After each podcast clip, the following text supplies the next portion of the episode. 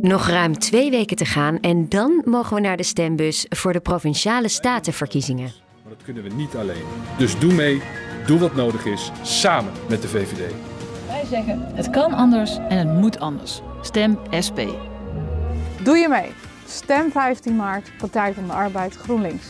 Het is tijd voor daden. Daden vanuit het woord. Stem daarom op 15 maart SGP.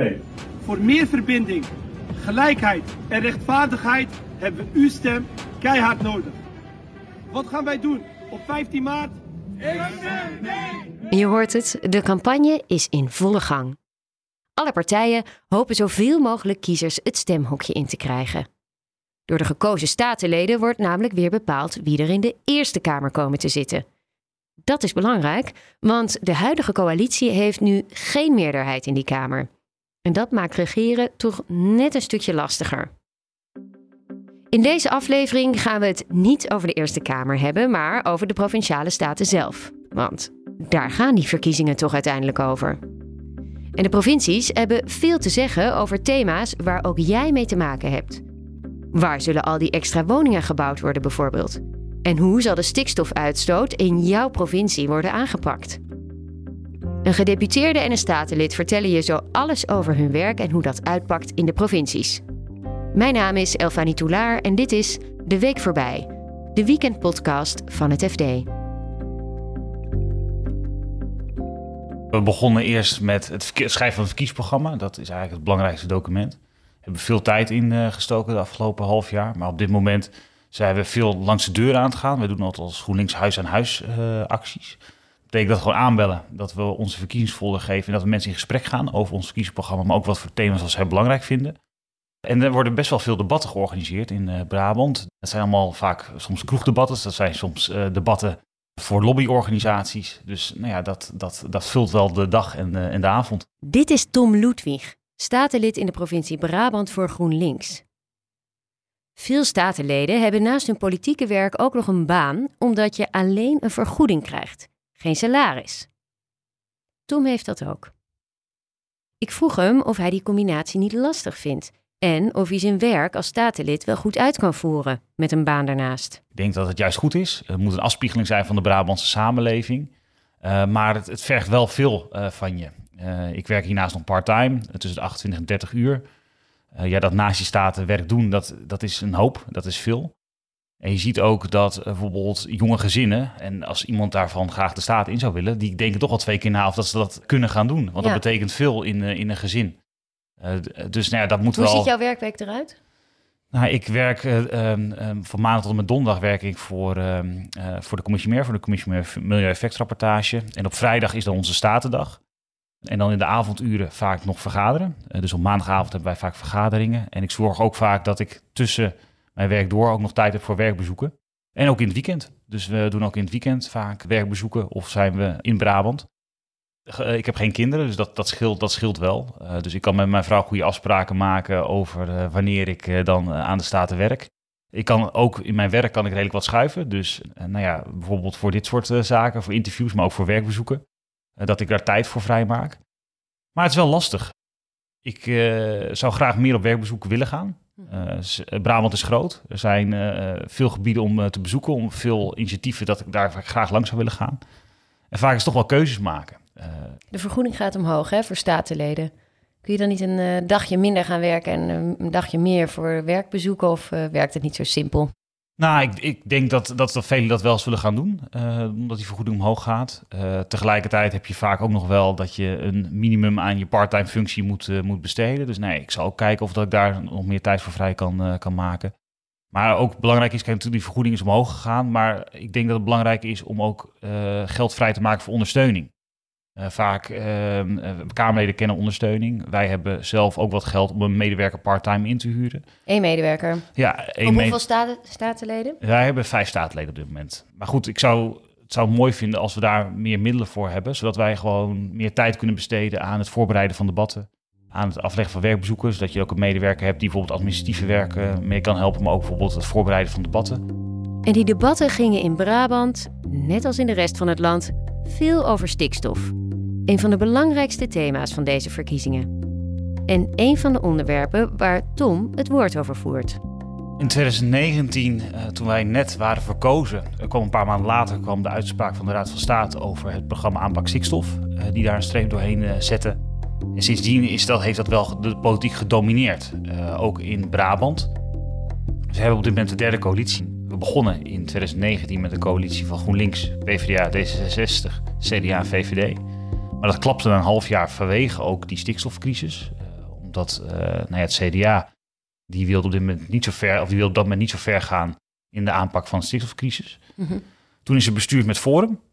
Nou ja, het was te verwachten dat binnen een jaar dat al uh, weer zou gaan klappen en dat is ook gebeurd. Die waren uh, heel groot. Die waren groot in Brabant. Uh, maar ja, het was natuurlijk ook een partij waar wij naar keken. Hoe kun je daarmee besturen? nou, dat heeft VVD hebben CDA hebben dat gedaan. En na een jaar klapte dat al. Dat was voor ons geen verrassing, want we denken met zo'n partij valt niet te besturen.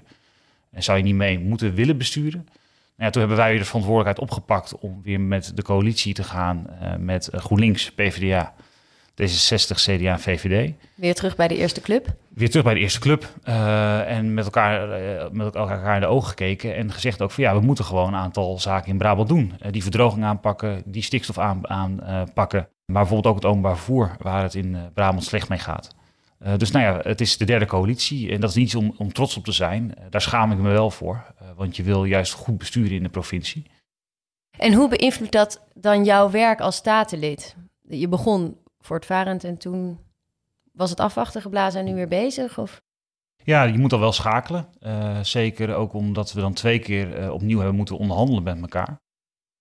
of nou ja, eerst keer onderhandeld voor de eerste coalitie, maar toen we weer in beeld kwamen voor de, voor de derde coalitie. Dus dat vergt wel wat van je, ook qua tijd. Dus ik heb twee keer onderhandelingen meegemaakt, wat, wat intensief is.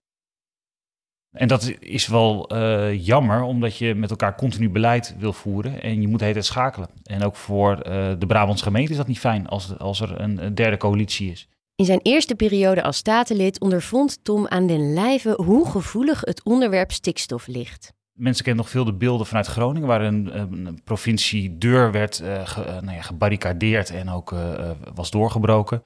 Hier hadden we eigenlijk bijna hetzelfde. We hadden een debat over stikstof en stallenbeleid in Brabant. We hadden een hele grote protestactie hier op het plein. Op een gegeven moment werd hij wel grimmiger. Nou ja, toen wilde ook een, een trekker die wilde nou ja, naar het provinciehuis toerijden. En we hebben een soort brug voor het provinciehuis. Mhm. En daar is de trekker opgereden. En uiteindelijk heeft dat wel geresulteerd in dat ook de politie nou ja, barricades moest maken. Dat er ook tijdens de statenvergadering door de commissaris werd gezegd: wellicht moeten we gaan evacueren. We hebben in uh, uh, dit provinciehuis hebben we nog een kelder vanuit de Koude Oorlog. Uh, dus dat was een mogelijke optie geweest. Nou, gelukkig is het niet zo ver gekomen. Maar het waren wel hele heftige protesten. Ik zat er toen net een half jaar in de Staten en had dit ook nog nooit eerder meegemaakt. En eigenlijk niemand in de Provinciale Staten dat als je tijdens een debat bezig bent, dat je ook nog rekening mee moet houden met of dat het provinciehuis wordt binnengedrongen. Dus dat heeft wel veel, dat, ja, heeft wel veel gedaan. Je merkt wel dat er ook nog steeds over wordt gesproken. Gelukkig is daarna is dat rustiger geworden. Uh, er zijn natuurlijk wel veel protesten geweest, maar ook wel uh, dat het uh, rustig dan is gebleven. Dat je goed met elkaar in gesprek kon gaan. Maar dat was even een moment dat spannend was. Ja, ja dat kan ik me voorstellen. En nu, de komende periode, moeten jullie als provincie dat stikstofbeleid, die doelen, gaan halen. Is dat dan, als je inzoomt op de praktijk, verwacht je dan nog meer moeilijkheden? Of is het omdat het toch op regionale schaal is toch wat makkelijker om gewoon zaken te doen met mensen. Nou, het zal niet makkelijk zijn, maar het is wel hard nodig. Uh, we zien in Brabant, we hebben 21 Natura 2000 gebieden. En we zien dat daar uh, 16 van stikstofgevoelig zijn. Daarvan gaat het ook op dit moment echt niet goed. Uh, dus de noodzaak om de stikstof te reduceren is enorm groot. Wat me wel heeft verbaasd vanuit het Rijk is dat na 2019 het lang stil is geweest. Uh, ze hebben vaak heel veel interne discussies gehad over wat de doelen nou zijn, hoeveel geld er moest worden vrijgemaakt. En dat helpt natuurlijk niet om snel die stikstof, dat stikstofprobleem aan te pakken. We wachten nog steeds op een aantal regelingen van het Rijk. En Want de doelen zijn er, maar de weg er naartoe is nog onduidelijk. Ja, er is geld vrijgemaakt op dit moment. Uh, maar de regelingen zijn nog niet concreet. Uh, daar is ook weer uitstel voor, uh, voor gekomen. We kwam de, weer deze maand weer, weer duidelijk. Dus ja, dat maakt niet makkelijk, uh, want wij willen gewoon die stikstofcrisis gaan aanpakken. En dat moet ook. Ja, dat moet ook. En eh, ook dat landbouwakkoord, uh, nou, dat blijft maar duren. Terwijl als je, hoe langer je wacht, hoe groter de opgave is. Dus nou, ik had liever al in 2019 die pakket aan maatregelen gehad. dan dat we nu in 2023 zijn en er nu net een begin wordt gemaakt met het aanpak van de stikstofcrisis. Ja, wordt er dan in Den Haag op het ministerie van Landbouw wel voldoende naar de provincies geluisterd? Nee, dat is voor, voor mij als statenlid soms uh, lastig uh, ja, hoe, dat, hoe dat achter de schermen gaat. Of dat, dat nou die contacten goed lopen. Maar de provincies geven wel allemaal aan, geef duidelijkheid. Kom met middelen, geef duidelijkheid en dan willen wij dat gaan uitvoeren. Want dat is ook hard nodig. Maar dan moet wel die duidelijkheid moet er wel komen. En er is landelijk heel veel gerommeld heel veel discussies over jaren geweest. Maar uiteindelijk moeten moet er nu uh, die uh, gelden moeten naar de provincies komen. Die, maat, uh, die maatregelen moeten er komen. Zodat wij als provincies daar uitvoering aan kunnen gaan geven. Ook om te zorgen dat die natuur zo snel als mogelijk herstelt. In de samenleving of in de landelijke politiek zie je dat het keihard kan clashen tussen die verschillende partijen. Is dat ook zo binnen de provinciale staten hier? Of wordt daar gewoon meer zaken gedaan? Nou, inhoudelijk uh, zitten we uh, vaak wel uh, ver van elkaar. Mhm. dus de debatten zijn stevig, ook in de Brabantse Staten. maar je probeert natuurlijk wel met elkaar samen eruit te komen. dus achter de schermen probeer je wel met elkaar het gesprek te hebben van ja, hoe kunnen we elkaar wel vinden. maar het is evident dat we veel verschillen met bijvoorbeeld met een partij zoals de VVD. Dus daar hebben we ook wel goede debatten met elkaar. Uh, alleen je moet toch proberen met elkaar uh, natuurlijk een weg voorwaarts te vinden en te kijken van waar, waar vind je elkaar wel. En bijvoorbeeld op het, op het stikstofdossier um, willen we beide willen we de stikstofcrisis aanpakken. Vanuit ons, vanuit de gedachte van nou ja, we moeten die natuur echt gaan herstellen, uh, want het gaat slecht met die natuur. de VVD doet dat op dit moment ook omdat ze zien dat als dat niet wordt aangepakt, dat daar de komende jaren wel de economie stil gaat liggen. Dus we vinden elkaar daar wel om het stikstofprobleem aan te pakken. En wij nemen ook extra maatregelen bovenop landelijk om die stikstof te verlagen. Uh, wij kijken bijvoorbeeld naar het voorfinancieren van de uitkoop van uh, piekbelasters. Wij kijken op dit moment ook of dat we lege vergunningen kunnen intrekken. Ongebruikte ruimte in vergunningen. Uh, dat is wat landelijk ook wil, maar nog een beetje uitstelt. Die we dat in 2024 doen. En wij zeggen, nou, we gaan wil daar nu mee aan de gang om die natuur te verbeteren, maar ook op termijn weer mogelijk te maken dat er huizen kunnen worden gebouwd en ook dat de economie weer open gaat. Wat vooral belangrijk is voor Limburg, is dat daar landelijk gewoon te weinig aandacht is voor regio's. En dat zie je ook in Limburg.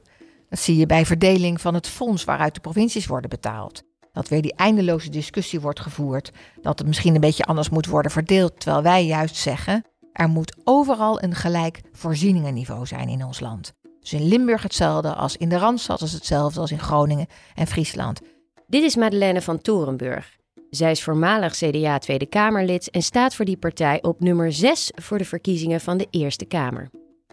Nu is zij nog actief als gedeputeerde in de provincie Limburg. Zij heeft daar de sociale agenda, handhaving en cultuur in haar portefeuille. Wat vooral heel erg belangrijk is in Limburg, is die sociale agenda omdat dat eigenlijk een autonome taak is van de provincie. Dat betekent dat het niet echt een kerntaak van de provincie is. Die gaan eigenlijk meer over ruimtelijke ordening, over stikstof, over klimaat, over landbouw, over infrastructuur. Dat zijn eigenlijk typische taken van de provincie. Maar in Limburg, er zijn nogal meer provincies, zien we dat we echt ook naar de mensen zelf moeten kijken om ervoor te zorgen dat ze gezonder en energieker kunnen leven. Als CDA ben ik er ook heel erg mee bezig, omdat dat echt iets is wat bij me past. En tegelijkertijd ben ik uh, binnen het, het, overleg van alle provincies heel erg aan tamboureren, durf ik wel te zeggen. Dat er voldoende middelen naar de provincies komen om niet alleen die kerntaak te doen, maar ook een autonoom gebied te hebben. Dus ook zelf keuzes te maken die belangrijk zijn voor de mensen die daar wonen. Zoals dus de sociale agenda en al die onderdelen die we samen met de GGD's doen. Maar daarnaast bijvoorbeeld ook op het gebied van veiligheid.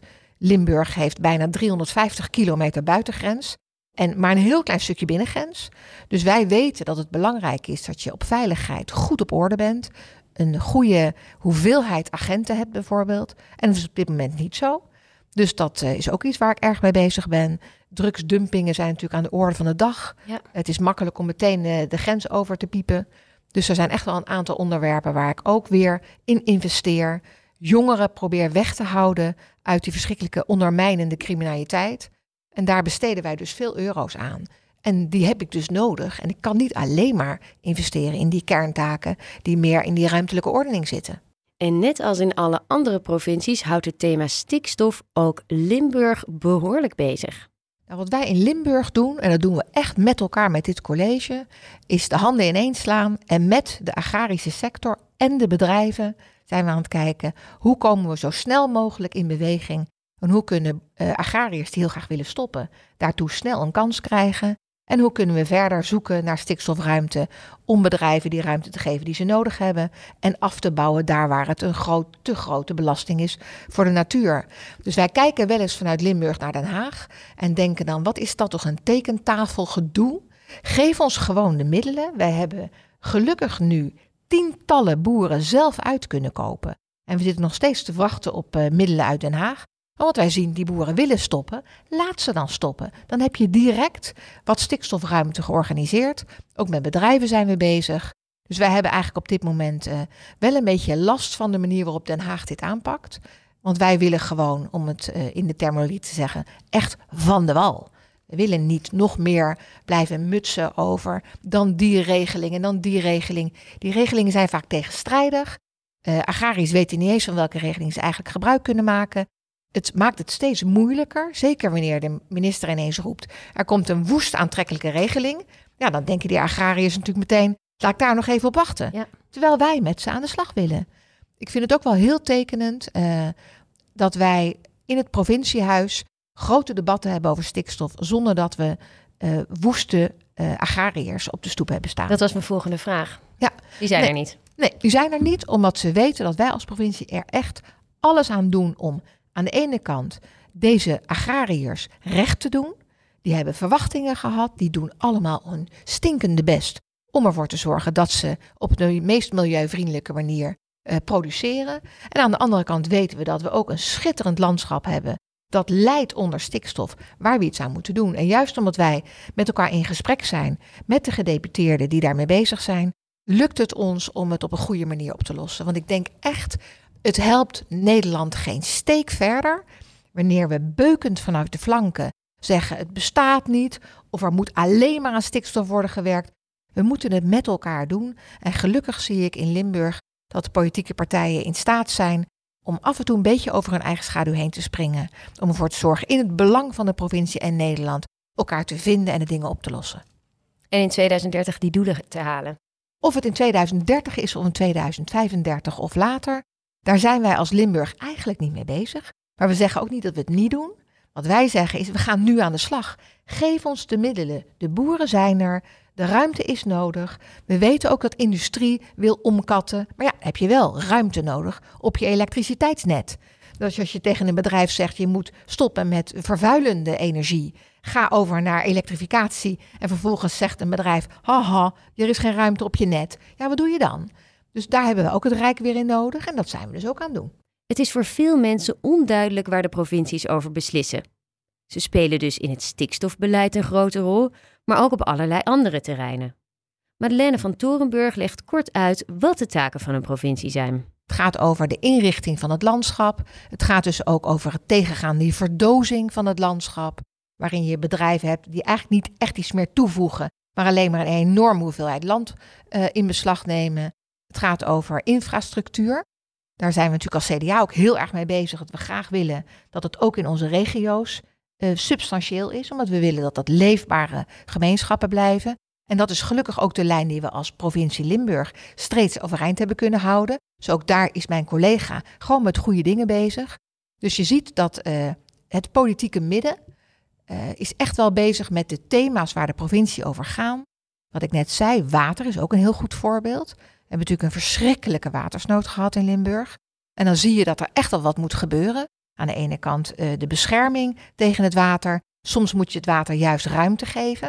Het vraagt ook heel veel in de inrichting van je landschap. Dat zijn allemaal onderwerpen waar de provincie over gaat. Ja. Dus als mensen denken, waar gaat een provincie over? Moet je eigenlijk bedenken alles wat gaat over de ruimtelijke ordening. Hoe orden je uh, het landschap?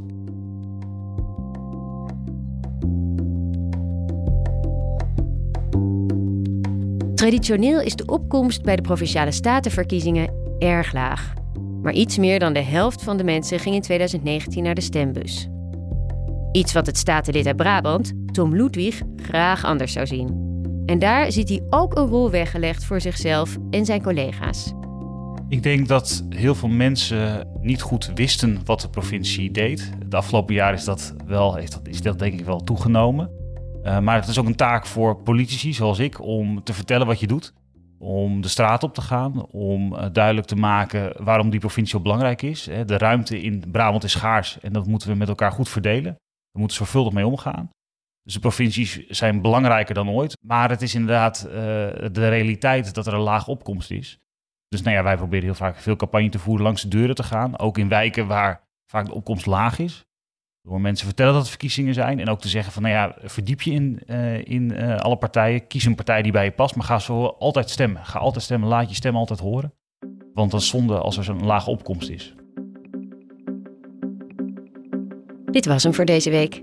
Dankjewel voor het luisteren. Volgende week gaan we het weer hebben over de provinciale verkiezingen. En dan hebben we het vooral over de campagne en over de gevolgen van de verkiezingsuitslag voor de Haagse politiek. Als je deze podcast leuk vindt, deel hem dan met je vrienden en abonneer je vooral. Dat kun je doen door te zoeken op FD de Week voorbij, waar je dan ook naar podcast luistert. Ik ben te vinden op Twitter, Elfanie, en je kunt natuurlijk ook altijd mailen naar podcast.fd.nl.